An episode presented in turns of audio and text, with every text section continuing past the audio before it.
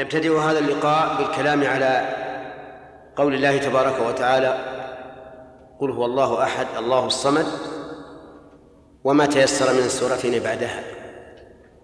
يقول الله تبارك وتعالى للنبي صلى الله عليه وعلى آله وسلم قل هو الله أحد. وهذا الخطاب للرسول عليه الصلاة والسلام ولل وللأمة أيضا. وهو الله أحد هو ضمير ضمير الشأن عند المعربين. ولفظ الجلالة الله هو خبر مبتدأ وأحد خبر ثاني. والله الصمد جملة مستقلة.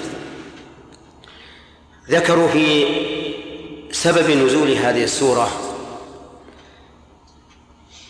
أن المشركين أو اليهود قالوا للنبي صلى الله عليه وعلى آله وسلم صف لنا ربك. افتح الباب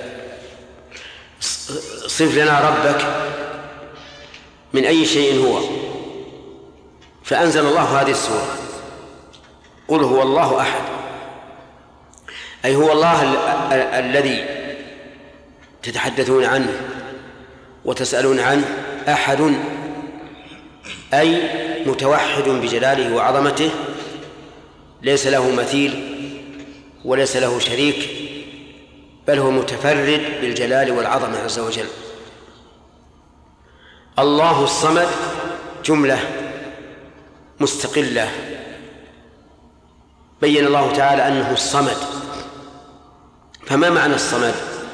أجمع ما قيل في معناه أنه الكامل في صفاته الذي افتقرت إليه جميع مخلوقاته. فقد روي عن ابن عباس أن الصمد هو الكامل في علمه الكامل في حلمه الكامل في عزته الكامل في قدرته إلى آخر ما ذكر في الأثر. وهذا يعني أنه مستغن عن جميع المخلوقات لأنه كامل. وورد أيضا في تفسيرها أن الصمد هو الذي تصمد إليه الخلائق في حوائجها. وهذا يعني أن جميع المخلوقات مفتقرة إليه. وعلى هذا فيكون المعنى الجامع للصمد هو الكامل في صفاته الذي افتقرت إليه جميع مخلوقاته. لم يلد ولم يولد. لم يلد لأنه جل وعلا لا مثيل له. والولد مشتق من من من والده. وجزء منه كما قال النبي صلى الله عليه وعلى آله وسلم في فاطمة إنها بضعة مني. والله جل وعلا لا مثل له. ثم إن الولد إنما يكون للحاجة إليه إما في المعونة على مكابده الدنيا وإما في في الحاجة إلى بقاء النسل. والله عز وجل مستغن عن ذلك. فلهذا لم يلد لأنه لا مثيل له ولأنه مستغن عن عن كل أحد عز وجل. وقد أشار الله عز وجل إلى امتناع ولادته أيضا في قوله تعالى أن يكون له ولد ولم تكن له صاحبة وخلق كل شيء وهو بكل شيء عليم. فالولد يحتاج إلى صاحبة تلده. وكذلك هو خالق كل شيء.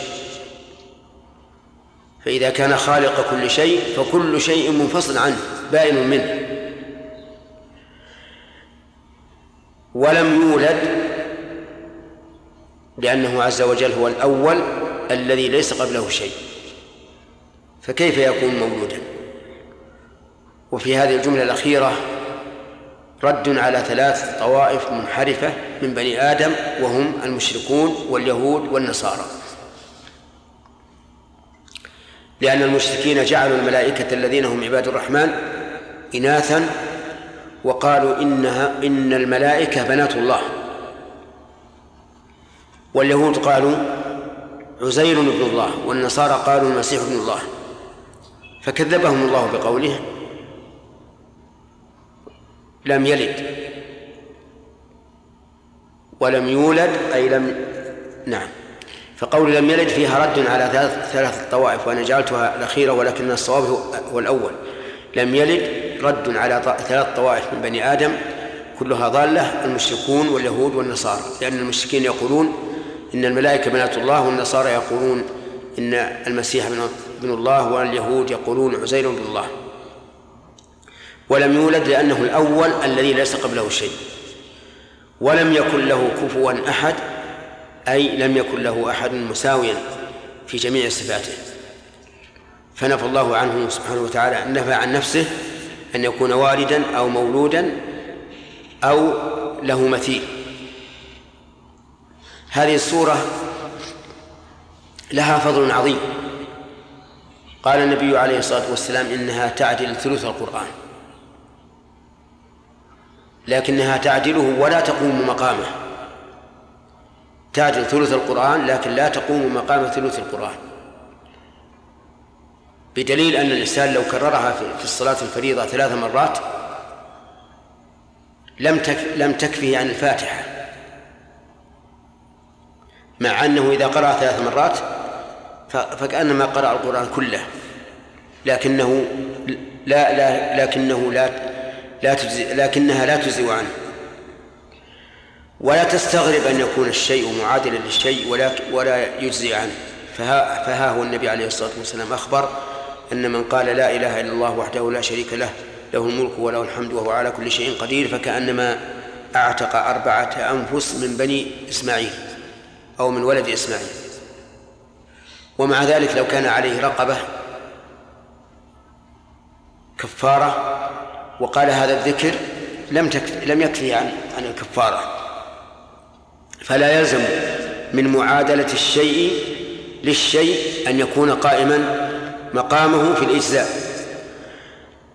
هذه السورة كان الرسول عليه الصلاة والسلام يقرأ بها في الركعة الثانية في سنة الفجر وفي سنة المغرب وفي ركعتي الطواف.